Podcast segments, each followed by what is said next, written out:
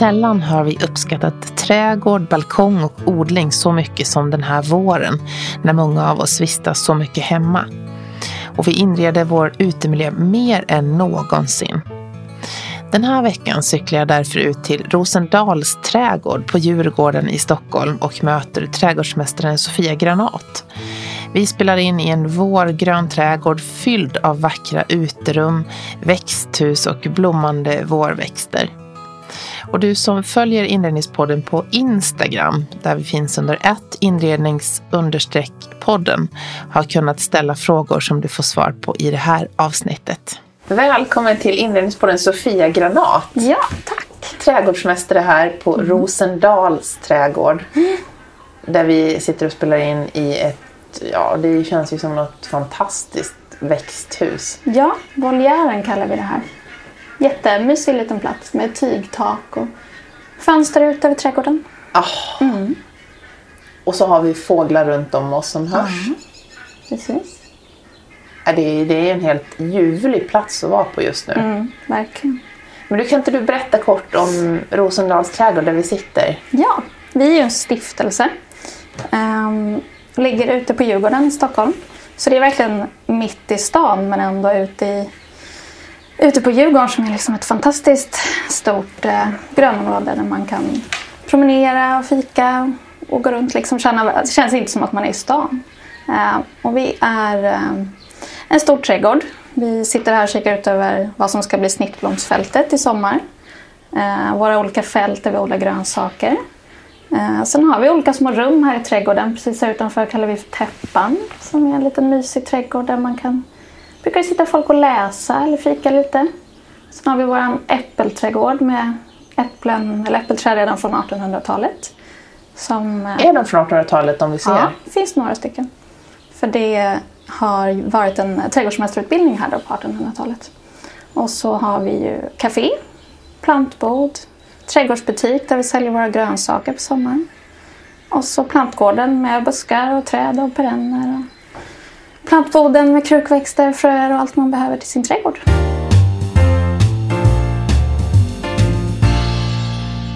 Vi eh, har ju, jag tycker man märker av ett sällan skådat intresse för trädgård och odling och mm. att folk och även de som lyssnar på den här podden vill spendera mycket mer tid utomhus eller på de balkonger de har eller så. Mm. Är det någonting som, som du har märkt som, som trädgårdsmästare här? Absolut, och framförallt nu i den här rådande situationen som, som vi alla pratar om såklart med corona. Men att många spenderar ju så extremt mycket mer tid hemma och då tittar man på sina fönsterbrädor och man tittar på sin balkong eller sin trädgård man ser också att man kommer antagligen behöva vara hemma hela sommaren och då tycker jag att det är jättekul att många fått upp ögonen för att man har ett ytterligare rum. Nu är det ju inredningspodden som vi sitter här nu. Och, men jag tycker att man inreder ute också. Eh, dels med möbler för att man ska göra en plats som man vill vara på. Men, men, ja, men tänka till lite som man gör med en lampa eller en matta inomhus. Att man tänker vad kan jag plantera på min balkong eller i min trädgård för att skapa ett rum som man vill vara i fast man är utomhus. Hur fick du intresset? Hur kom det sig att du, att du själv blev trädgårdsmästare? Alltså jag halkade in eh, som 11-åring i en blomsteraffär gjorde jag praktik. Jag hade inte hittat någon praktikplats och så var det min lärare som slängde in mig i den här blomsteraffären. Jag tänkte inte så mycket mer på det. Jag gick väl bara dit och gjorde den här veckan. Och sen blev jag fast där faktiskt. Jag jobbade alla helger och alla lov. Sen, sen du var 11 år? Ja, oh. ja. ja så blev det. Um, och sen har jag liksom varit i den här branschen. Började sen i en handelsträdgård efter gymnasiet och så jobbade jag med trädgård i ganska många år. Och sen tog jag en paus och tänkte jag visste inte så ska jag jobba med det här eller inte. Så jag började jobba med lite mer med inredning, möbler, sängkläder och sånt. Och då kände jag ganska snabbt att nej, jag passade inte med rena händer och fina kläder. Jag måste tillbaka till jorden. Så då eh, utbildade jag mig fast jag redan liksom hade jobbat med det ett tag. Så då gick jag en trädgårdsmästarutbildning, en tvåårig. Och då gjorde jag praktik här på Rosendal. Sen jobbade jag eh, på lite andra ställen men nu har jag äntligen landat här igen och här vill jag vara. Vilka trädgårdar inspirerar dig i ditt jobb? Finns det några sådana här trädgårdar som du ser som förebilder och som du återvänder till gärna? Och... Jag tycker jättemycket om eh, Botaniska trädgården i Visby. Jag har lite rötter på Gotland så där är vi jättemycket och där praktiserade jag en höst. Eh, ja, men jag tycker det är en väldigt fin Ja, men den är otroligt välskött utan att liksom vara liksom pretentiöst eller perfekt på något sätt. Men den är väldigt, väldigt fin tycker jag. Jag tycker om sättet att hur de arbetar där. Den tycker jag jättemycket om. Sen kan jag ju sörja på ett sätt att jag jobbar på Rosendal nu för det har verkligen varit ett så favoritutflyktsmål där jag alltid har, har varit och tagit mig till och inspirerats av för att det finns så mycket. Ehm, så det tycker jag jättemycket om. Men, eh, ja, men jag vet inte. Jag tycker liksom väldigt mycket om Gotland. Jag är liksom väldigt mycket där. Jag tycker om det karga och att det, ja, men det finns så många fina platser som liksom är gröna rum fast det är inga arbetade trädgårdar. Utan att man kan slås av att miljön är annorlunda. Eh, jag tycker väldigt mycket om Australien också och där nere i södra utanför Melbourne där tycker jag att det påminner väldigt mycket om det karga på Gotland. Det kan ligga så långt ifrån varandra men ändå vara så lika. Ehm, men annars, jag samlar jättemycket på gamla trädgårdsböcker så jag tycker om att titta på bilder på hur det var förr. Ja, lite så. Hur man tänkte förr, hur man bygger upp. Och koloniträdgårdar tycker jag också är jättespännande. Har en egen kolonilott. Jaha. Men, ja, men det är kul att se. Du sa till mig innan att ja, men jag tycker om att, som man tänkte förr, att man inte har en massa sticklingar på fönsterbrädan utan man kan Mm. satsa på en få. Ja, precis. Ja, men jag, jag jobbar ju väldigt mycket med krukväxter också förutom trädgård. Och då är det många som tror att så här, ja, men du har ditt hem fullt med krukväxter överallt. Och det har jag nog inte riktigt. Utan jag försöker ta hand om några få. Jag tycker om att de kan bli väldigt stora som man har i väldigt många år. Att man kan tänka, att man liksom inreder med dem. Att om man har ett stort skåp istället för att liksom ställa massa lampor och böcker eller vad det nu kan vara. Att man kan tänka att en stor växt är som en skulptur eller någonting som man vilar ögonen på. Som får vara där länge. Liksom. Vilka, då måste man ju få veta vilka växter du, du har. Jag har en väldigt stor monstera som har blivit som någon slags familjemedlem som är superstor. Lite bökig och badar ibland i badkaret. Men... Det är den där med jättestora Ja, blad. gröna blad, precis. Eh, och sen har jag ett fikonträd. Som man, jag kanske inte i första hand skulle rekommendera att ha inne, men jag bor i en gammal dragig lägenhet med dåliga element. Så det, blir ganska, det skapar ganska bra förutsättningar för det där fikonträdet. Och nu har jag haft det ganska många år. Och det, det krigar på, det mår fint. Ja. Och, och blir liksom ganska stort och ja, men det tar för sig ett lite djupare fönster. Och det, jag kan inte tänka mig något annat där än det där fikonträdet. Ja, vad fint. Ja. Mm. Åh. Men du, det här avsnittet blir ju en del frågor och svar. Mm. Och ehm, du, i den här tiden nu när det är väldigt stort intresse Mm. så får ju ni in massor med frågor. Ja. V- vad är de vanligaste frågorna som, som ni får in här? Det, är ju, det beror lite på vad kunden själv har. Det kan ju vara allt ifrån vad kan jag odla på fönsterbrädan? Eller många som är hemma med sina barn nu till exempel. Bara, vad ska jag odla? Och då eh, kan man ju till exempel små, odla små gröna blad, alltså man kan grodda. Man kan eh, ha ärtskott, alltså sånt som man bara går och klipper och lägger på maten i salladen. Som liksom går snabbt och man skördar snabbt och man kan göra i omgångar. Men sen är det också de som, som kommer då som har en balkong eller en trädgård som är så här, var ska jag börja? Och vad ska jag ha? Många vill ha träd i kruka till exempel på balkong. Och hur man ska tänka där. Ja, mycket så liksom, var börjar jag och hur ska jag tänka? Men den vanligaste frågan så var lite oväntad tyckte jag. För Mm. du sa att det var jättemånga som kom och frågade om pelargon. Ja, och man kan sätta ut dem redan nu. Och de finns ju nu eh, på de flesta ställena. Eh, men det är lite för tidigt. Pelargoner brukar man säga vill ha 15 grader dygnet runt och där är vi ju inte riktigt. Nu har vi haft några fina dagar här.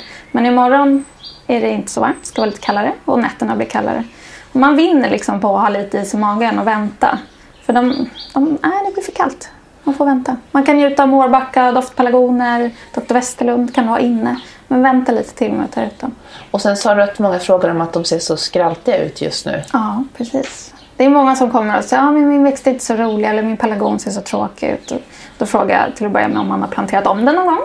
Och det har de sällan gjort. Och det är ju så att om de sitter i en liten plastkruka som man köper växterna eh, så behöver de komma upp i någonting större. För man får tänka lite som liksom ett ser ut som ett timglas egentligen. Om man tänker växt ovanför jord det är ju ganska mycket bladmassa. Men det måste finnas nästan lika mycket rötter under jord.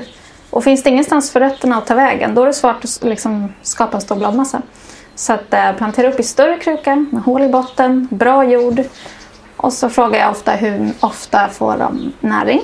Och då brukar de klia sig i huvudet och säga nej men det, jag tror inte jag har gjort det någon gång. och då brukar jag säga men prova så ska du få se, det kommer gå jättebra. För det behöver de, precis som vi. Liksom. Man behöver, de behöver ljus och de behöver näring. Det är liksom ja. förutsättningarna. Så det kommer man långt på. Ja, det, mm. det ska jag ta med mig ja. själv också. Mm. Det här avsnittet har man ju också ni som lyssnar på den här podden har ju fått ställa frågor och Sofia har fått snegla på frågorna innan lite grann. eh, och det var ju lite intressant för det skiljer sig inte riktigt så mycket. Nej, men det var det som var intressant att se, att vi nästan kommer lite samma Nästan samma, mm. så det är bra, mm. bra koll. Men vi kör igång, för en del mm. frågor kommer att handla om sånt som ni har frågat om som, som har trädgård. Och en del har ju balkong, en del har pool, en del har altan och det är en blandning. Mm. Men det många frågar om är just hur man kommer igång med, med en trädgård. Var börjar man någonstans? Ja, eh, precis. Alltså jag tycker att man ska klura först på vad man vill få ut av sin trädgård eller sin balkong. Eh, ska man spendera mycket tid där så tycker jag att det är värt att verkligen klura på vad tycker jag om, vad är fint, vad vill jag ha någonting ätbart? Har jag, som jag till exempel, har ett jättetråkigt balkongräcke som jag vill täcka. Då kan jag ju jobba mycket med dels på höjden men också krukor som är lite lägre som, som ger mycket liksom volym, mycket växt. Om man ska säga. Eh, som man kan skörda mycket av till exempel. Eh, balkonglådor som, som krasser som liksom kan bölja över. Alltså att man tänker lite hur, vad det är man kanske vill täcka, för det vill man många gånger. Um, om man vill skapa rum i sin trädgård eller på balkongen så är ju träd i kruka jättebra. Uh, och vill man ha ätbart så man kan till exempel ha bärbuskar i kruka på balkongen. Um, så att ja, men, klura ut vad man har för behov och vad man tycker om och kanske lite vad man har för budget. Men försök tänka långsiktigt. Det är många som kommer och så tänker man att oh, men den här plantan var fin, jag tar en av den. Och den här var fin, jag tar en av den. och så blir det inte så mycket av det. Men om man tar en större kruka så sätter du fem av någonting som du tycker är fint. Då har du liksom en superperuk av en fin blomma sen. Som verkligen, alltså att det blir fylligt. Ja, vilket bra tips. Ja, och det kan, ju så här, det kan jag tycka är så självklart med mina kollegor också. Men, men det blir ju, man kan ju bli så förälskad i olika grejer. Och så står jag också nu när jag ska planera min kolonilott. Att jag vill liksom, jag vill ha 30 olika grönsaker men jag vet att jag bara har plats med 10. Så att jag måste liksom gallra lite. Och det ser man ju när vi tittar ut här också över odlingarna här. Så ser man ju att här är det ju just att det, det är fokuserat på ja, men det här vi ser hyacinter och mm. kejsarkrona som jag har mm. lärt mig att den heter och ja. tulpaner. Ja, precis. Och så blir det ju som otrolig prakt men jag har haft olika färger. Mm. Ja men precis. Och det, det, alltså det är inte så konstigt egentligen. För många kommer och frågar nu så oh, nu är skillan blommar i gräsmattan och åh ni har så fina tulpaner och sådär. Det vill jag ha nu också. Eh, men det sätter man på hösten. Då kommer man, åker man till sin handelsträdgård och så kan man välja på hur många sorter som helst av tulpaner och narcisser och hyacinter. Och då vill man ju, man plockar som en godispåse men man kanske ändå ska tänka att så här, okej okay, men på min uppfart till exempel, vad vill jag mötas av där? Då kanske man väljer två eller tre olika tulpaner och så brukar jag säga att man liksom slänger ut dem lite så att det ser lite naturligt ut. Ibland kan man, man ska liksom inte sätta tio tulpaner på raken för det ser inte jättenaturligt ut sen när de blommar så här, en rak rad bara. Så, som det ser ut utanför min port. Eh, utan försök liksom peta in det lite här och var. Okej. Okay. Eh, ja, men det kan, ja, det kan vara lite svårt att man blir liksom sugen på allt möjligt men, men försök ja, men att man tänker att så här, i år testar jag det här. Och så kan man skriva ner en sort som man tycker är fin så kanske man provar den nästa år. Man får försöka tänka lite långsiktigt. Ja, vad bra. Och det där med lökväxter har jag lärt mig nu eftersom kejsarkrona som är så praktfull att det var en mm. lök och det köper man på hösten då Precis. Ja. I september, början på september brukar de flesta handelsträdgårdar få, få fram det och då har vi en lökmarknad i plantboden med, med massa olika lökväxter och eh, så mycket ekologiskt som möjligt.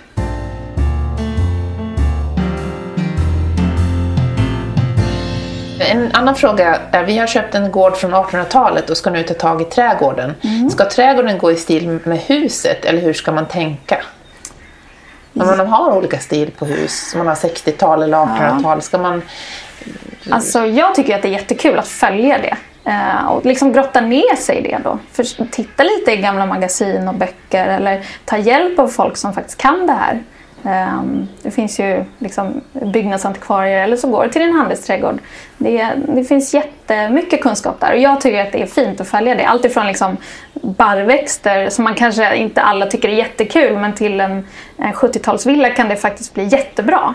Ehm, men, och har man då som en äldre gård att man kikar på liksom vad var vanligare förr och liksom de här gamla torparväxterna. Och jag tycker att man ska följa det om man vill det. det kan också, man kan skapa spännande kontraster. Eller, ja, man ska inte låsa in sig helt men, men rent personligt så tycker jag att det är roligt om, om personen i fråga har möjlighet att följa det här.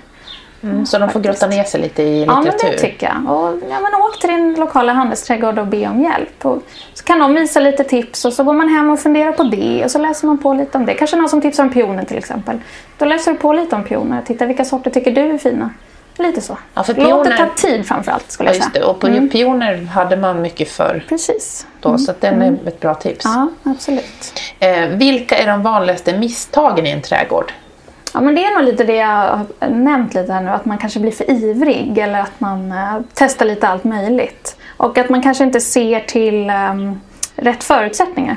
Alltså tänk att eh, ja, men om du har liksom en rabatt i söderläge, då, då behöver du växter som klarar soliga lägen. Och så får man fundera på vad man har för jord. Det var också någon fråga där, hur man vet vad man har för jord. Man får gräva och känna och kika och känner man sig osäker, återigen, gå till din handelsträdgård, ta med jord, visa. Eh, det, kan, det kan vara svårt för ett otränat öga, men, men det kan man alltid fråga om. Bra tips, ta med jordprov. Det ska Ja, jag ja ta, ta absolut. till mig av också. Ja. Så att man inte sätter en växt som vill ha väldränerat i en tung lerjord, för då, då blir det inget bra. Det kommer inte att växa och så har man, ah, då har man köpt det i onödan helt enkelt. Så Mm. tänk till lite innan, tycker jag. Det är lätt att lägga pengar på en trädgårdsarkitekt med mera, men hur gör man för att sätta sin egen prägel på en trädgård eller balkong i exempelvis ett nytt boende med mindre medel? Jag antar att man, om man säger att man inte vill lägga ner så mycket pengar Ja, på det. precis.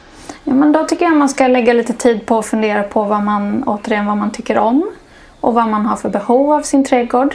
Eh, jag tycker återigen tidningar, böcker, Pinterest är en fantastisk källa. Att man liksom benar ner vad det är man tycker är fint. Eh, att man kanske skapar som någon slags eh, moodboard, man kan göra det digitalt eller på köksbordet framför sig.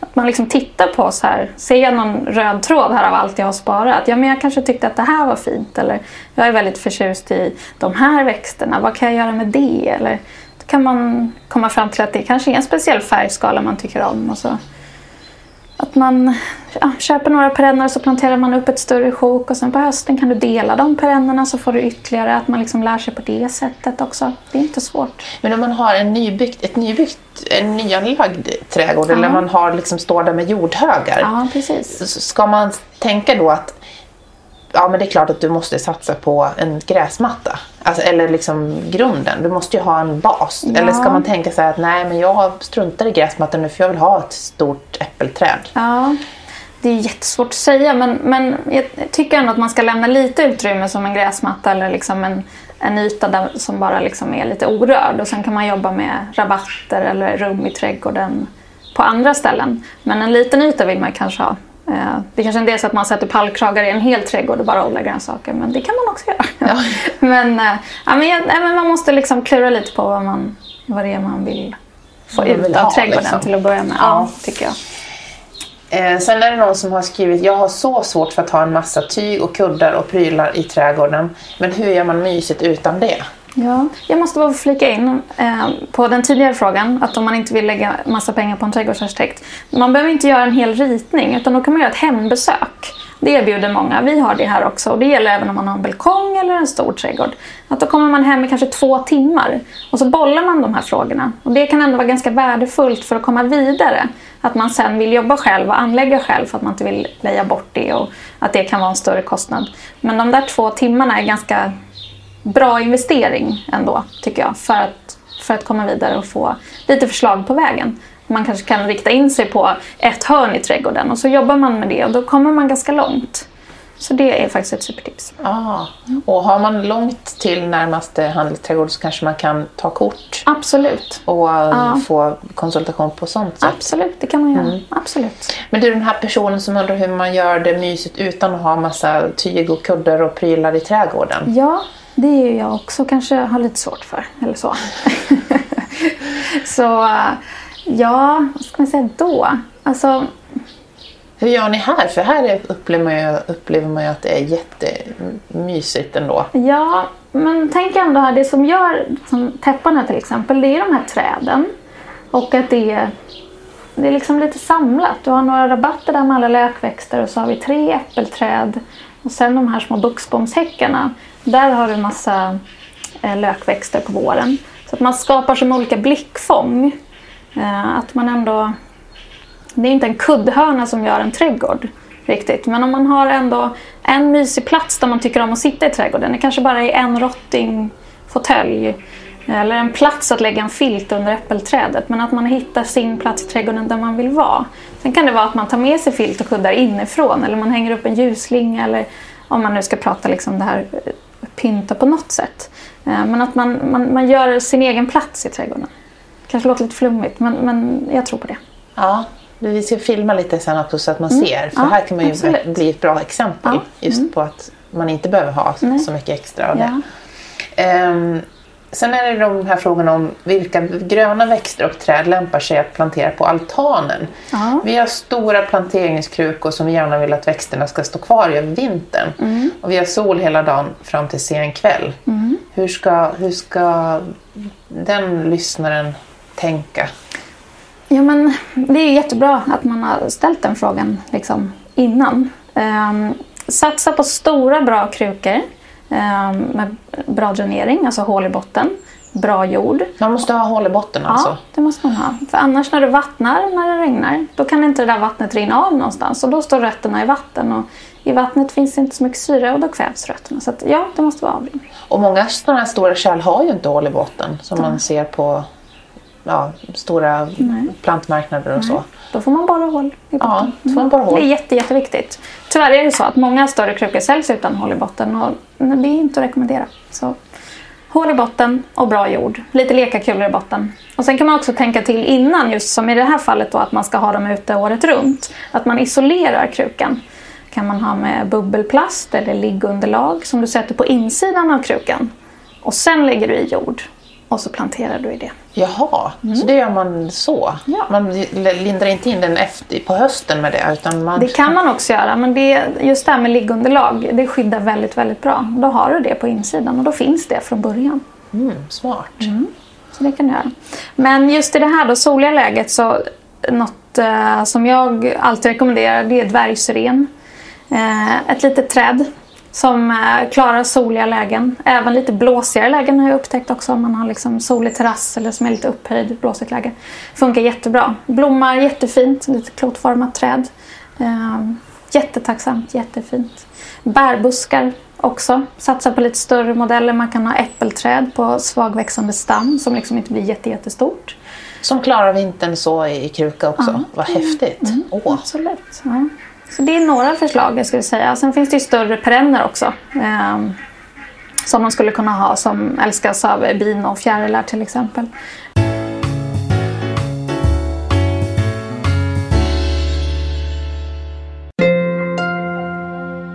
På Instagram finns det nu en ny IG-serie som heter Inredningspodden Uncut. Där jag delar med mig av rörligt material med personer jag möter, filmer och upplevelser utöver de vanliga poddavsnitten. Till exempel så finns det just nu åtta minuters intervju med Valdemarsuddes museichef Karin Sidén som berättar om deras utställning Stilla skönhet. Så klicka in på Instagram och följ kontot inrednings podden så missar du inga avsnitt. För dig som är ny lyssnare så finns alla avsnitt samlade på inredningspodden.com. Där finns det olika sätt att lyssna, till exempel Spotify, iTunes eller Acast.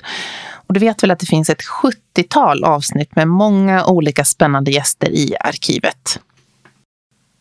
Ett stort tack till dig som lyssnar på Inredningspodden med mig, Johanna Hulander. Tack vare dig är den här podden den största intervjupodden som handlar om skandinavisk inredning, design och arkitektur. Och det känns extra roligt att fokusera på skandinavisk design i dessa dagar då många kämpar för sin överlevnad. Så jag gör allt jag kan för att eh, sprida kunskap, information och personliga intervjuer inom det här ämnet. Hör gärna av dig med tips och synpunkter om gäster, platser att besöka eller synpunkter som du har. Du som är intresserad av att sponsra podden når mig också via info joelhome.se eller via DM på Instagram. Men du, det där med att locka till sig bin och, och mm. ja, ja, vad kallar vi dem?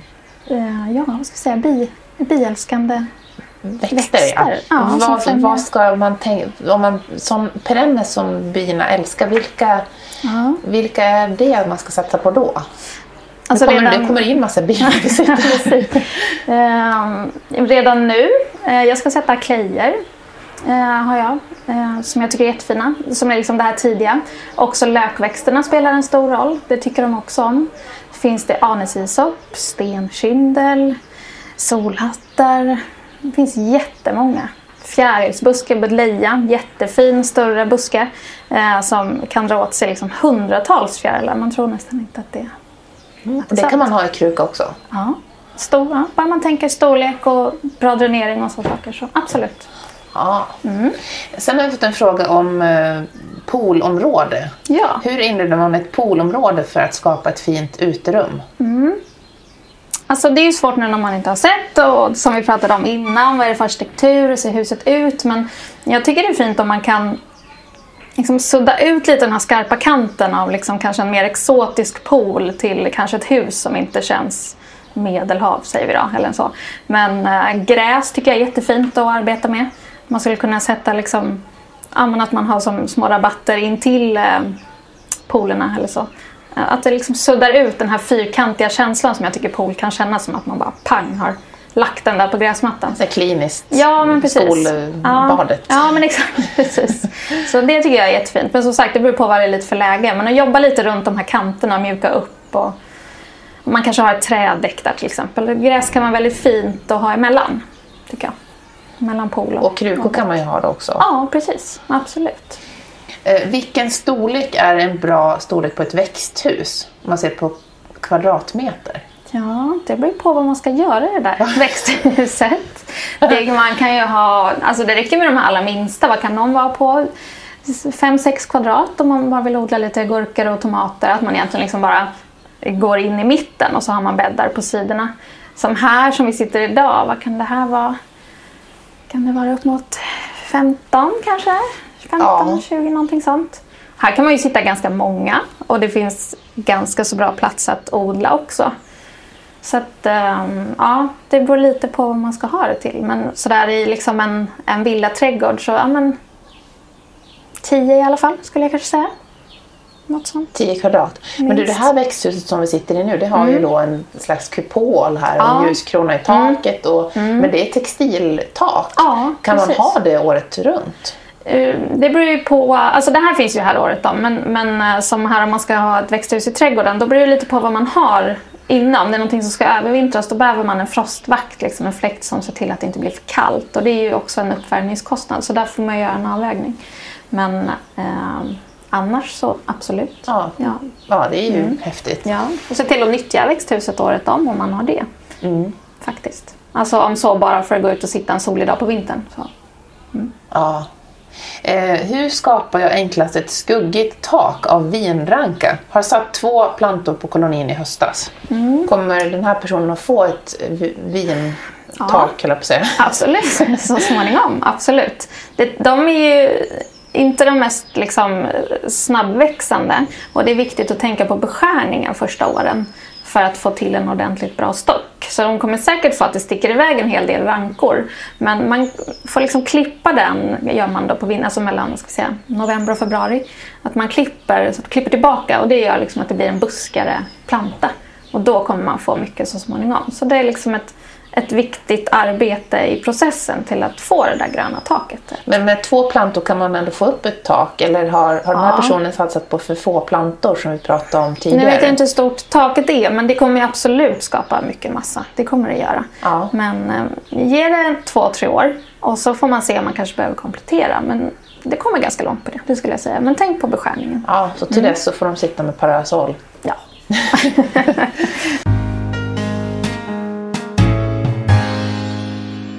Sen är det det här med hur man ska tänka kring växter som passar ihop. Mm. Både växtmån och spännande mixer. Ja. Och det har ni ju fantastiskt fint mixat här. Ja. ja, men det är återigen, man måste utgå ifrån vad man har eh, för trädgård eh, och vad man har för jord och så. Eh, men jag är absolut för att man ska liksom försöka väva in så mycket som möjligt i trädgården. Alltså både man tänker träd och buskar i olika höjder, perenner ner till marktäckare. Att man också tänker att, man, eh, att det löser av varandra i trädgården. Att lökväxterna börjar eh, Man kan ju börja med lökväxter, liksom snödropparna som är de allra första till hyacinterna som är nu här snart i, i maj. Att man har någonting hela tiden. Att sen har man lite mm, perenner som blommar i maj och juni och så tar man någonting i juli, augusti. Så kan ni hitta perenner som blommar liksom in i september, oktober. Så att man tänker mixen där också. Tycker jag är jätteviktigt. Just det, för det var ju en fråga också om det här med att om man kan ha, skapa en trädgård som är fin alla årstider. Ja, det kan man. Det tycker jag absolut att man kan göra. Ja. Och då ska man framförallt tänka på dels då att man kan hitta eh, perenner som är, liksom blommar senare, som höstanemoner till exempel, eh, som blommar sent. Eh, och sen att man tänker också att man kan hitta växter som har väldigt fint eh, grenverk på vintern och att man inte behöver klippa ner allting för det kan skapa jättefina silhuetter i trädgården, speciellt med snö. Att man behåller det. Och som eh, om man odlar kål till exempel, grönkål och svartkål, de blir väldigt stora, jättefina sent på säsongen. Och de låter jag vara kvar. Det är jättefint och till jul tycker jag det är jättefint att ha också. Så, att, så kan man tänka året om. Men, eh, men tänk att första blomningen kan komma redan i februari med lökväxterna. Och sen så bygger man på där. Då, då har du blomning Då nästan. täcker man nästan eh, hela året. Ja, precis. Och Man får, just vintertid där, tänk vad som kan skapa fina liksom, silhuetter och så.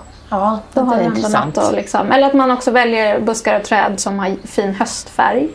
Att man kanske väljer ett blickfång där man sitter och äter frukost varje morgon. Att du liksom i oktober-november har en jättevacker buske som liksom skiftar i superhärliga färger. Att man ja, men, ja, tänker till lite där. Eh, sen är det någon som undrar om eh, klätterväxter för zon i norr. Ja, just det. Um, alltså humle går jättebra. Sen finns det en ros som heter Polstjärnan. Jag har den inte själv, men den vet jag funkar upp i, i zon 8. Uh, sen finns det något som heter Snårvinda.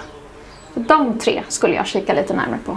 Ja, för zonerna är ju då, man har läg, lägst zon i Nere, söder södra. och sen går man ända upp till zon, Ja, upp till zon 8. zon 8. Ja, Okej. precis. Mm. Så det gäller ju att kika på vad man har för zon också. Det finns alltid bra zonkartor på, på handelsträdgårdarna.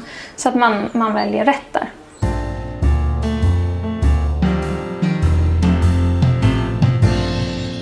Kan man ha samma jord till alla växter på en altan i stora krukor? Eller balkong? Ja, men det skulle jag säga. Då väljer man en bra planteringsjord, som ibland kan heta unjord också. Det är en jord som håller fukten bra och som är, är välgödslad från början. För det är det där med gödsel, det behövs. Speciellt då, eftersom att det är sommarblommor som ska växa mycket under en säsong och då, då behöver man tillföra. Och den här jorden då har gödsel från början. Så då tänker man att under 4-5 veckor så har de det de behöver. Sen får man gå in och stödvattna med, med bioback till exempel. tycker jag är superbra. Godkänd för ekologisk odling. Du kan ha det till liksom jordgubbar, tomater, allt du äter. Eh, balkonglådor, buskar träd, kruka. Eh, Men sen när man har då haft de där en, en säsong eller Mm. en sommar och höst och så kommer nästa säsong. Måste man byta jord eller om man nu har sina perenner kvar. Mm. Måste man göra, förnya jorden eller kan, räcker det att ha samma jord? Ja, Men har man tänkt till från början att man har en, en bra storlek på krukan, då, just som träd till exempel, då kanske man bara behöver göra det var tredje år. Man, då kan man lyfta upp och skaka av och skära till lite så att det skapas nya rötter och så. Och skakar man av och så tillför man ny jord. Men du behöver inte göra det varje år. Men vad som är viktigt är att gödsla varje år. Så jag brukar lägga på lite kogödsel till det jag har i kruka till exempel. Till att börja med. Och sen stödvattna. Men du behöver inte byta allting varje år, det skulle jag inte säga. Nej, okej. Ja. Och sen är ju frågan då, måste man alltid gödsla? Och det har du ju faktiskt svarat på. Ja, ja, ja, det måste man. Det är liksom växternas sätt, och som vi äter mat och laddar eller vad man ska säga. Ja, det behöver man. Det, ja. Kan man gödsla för mycket så att det blir Ja. liksom... Mm, det kan man göra. Ja. Ja, det ska man inte göra. Nej. nej, men det kan man absolut göra. Eh, så att, eh, nej, men man får utgå från vad man har för växter. Eh, vissa växter vill inte ha för mycket kväve till exempel. Då skapas det mycket grön bladmassa men inte så mycket blommor om man har det. Så att, ja, men det gäller att klura på vad man har. Men, men allting är kruka generellt om vi pratar balkong. Och, så att, ja, det behöver vi göra. Lite, lite lagom. Ja, och bioback tycker jag är jättebra för den häller du bara i vattenkannan och så vattnar du med det. Så det är inte som ett, ett jättemoment utan vattna gör du ju ändå. Precis. Eh, om man har gräsmatta, är det värt att gödsla gräsmatta också?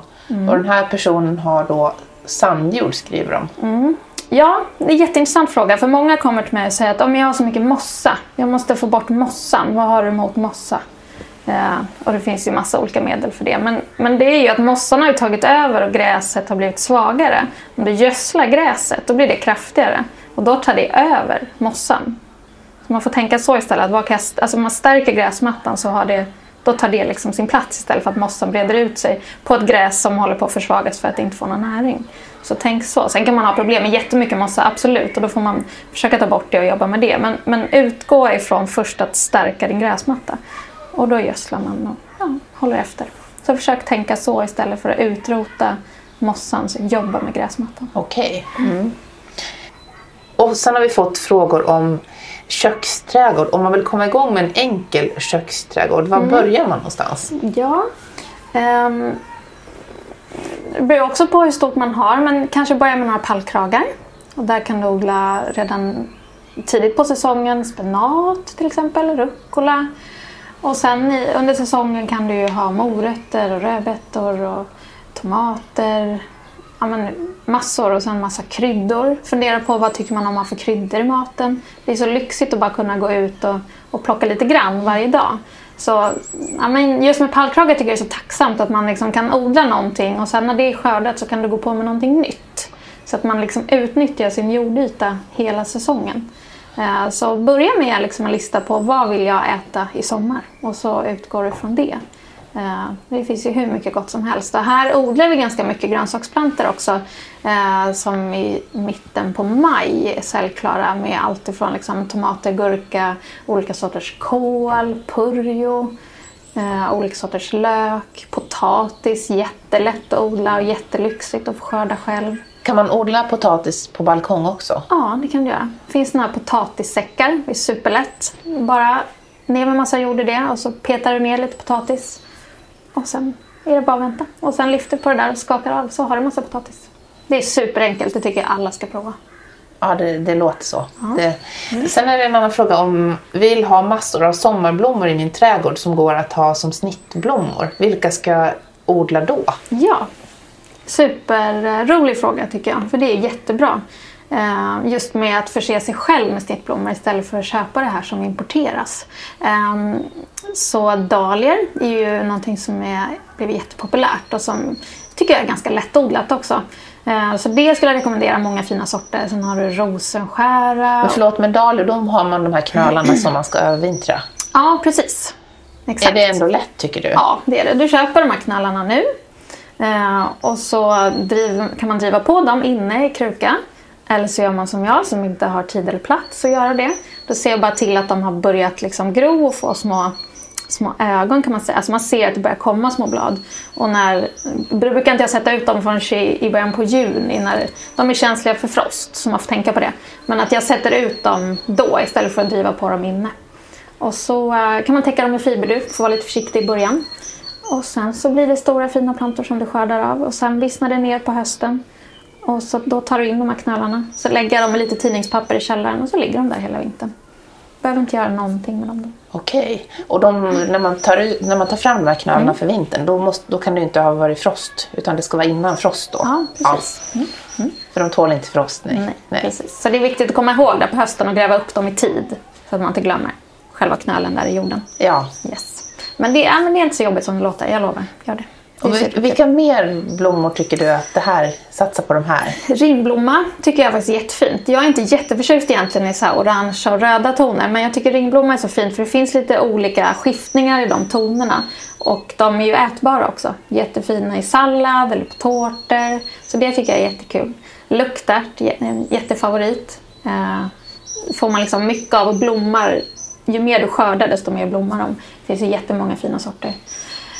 Eh, vad har vi mer? Vi har massa rosenskäror, olika sorters gräs, blåklint i andra färger är jag jätteförtjust i. Det finns så mörklila, nästan svarta sorter med jättefina. Zinnia, jättetacksamt. Stora, lite, påminner lite om dahlior. Eh, jag har någon ny sort som jag ska såga som kanske är fattigmansdahlia. Men det är en zinnia. Jättefin. Väldigt vanlig förr. Åh, Mm. Låter oh, jättefint. Man blir Ja. väldigt sugen på att plocka såna här blommor nu. Ja, och det kan man göra här på vårt snittblomsfält på sommaren. Ehm, precis det som vi sitter här vid nu. Då går man och hämtar sin sax och korg i plantboden och så plockar man snittblommor som är liksom biodynamiskt och ekologiskt odlade. Mitt i stan, fast ändå med de härliga förutsättningarna. Så att jag vill liksom ändå, jag vill verkligen rekommendera, utmana folk lite att göra det. Att man, ja, men man är ganska mån om vad man lägger på tallriken och vad man smörjer in sig med liksom ekologiskt. Men vad man sätter i vasen, det kanske man inte tänker på alla gånger. Men det är en ganska mörk bransch som vi kanske inte ska grotta ner oss i nu. Men jag vill verkligen ja, ja, jag vill rekommendera att, eh, att plocka så på sommaren. Det finns flera ställen som gör det. Absolut.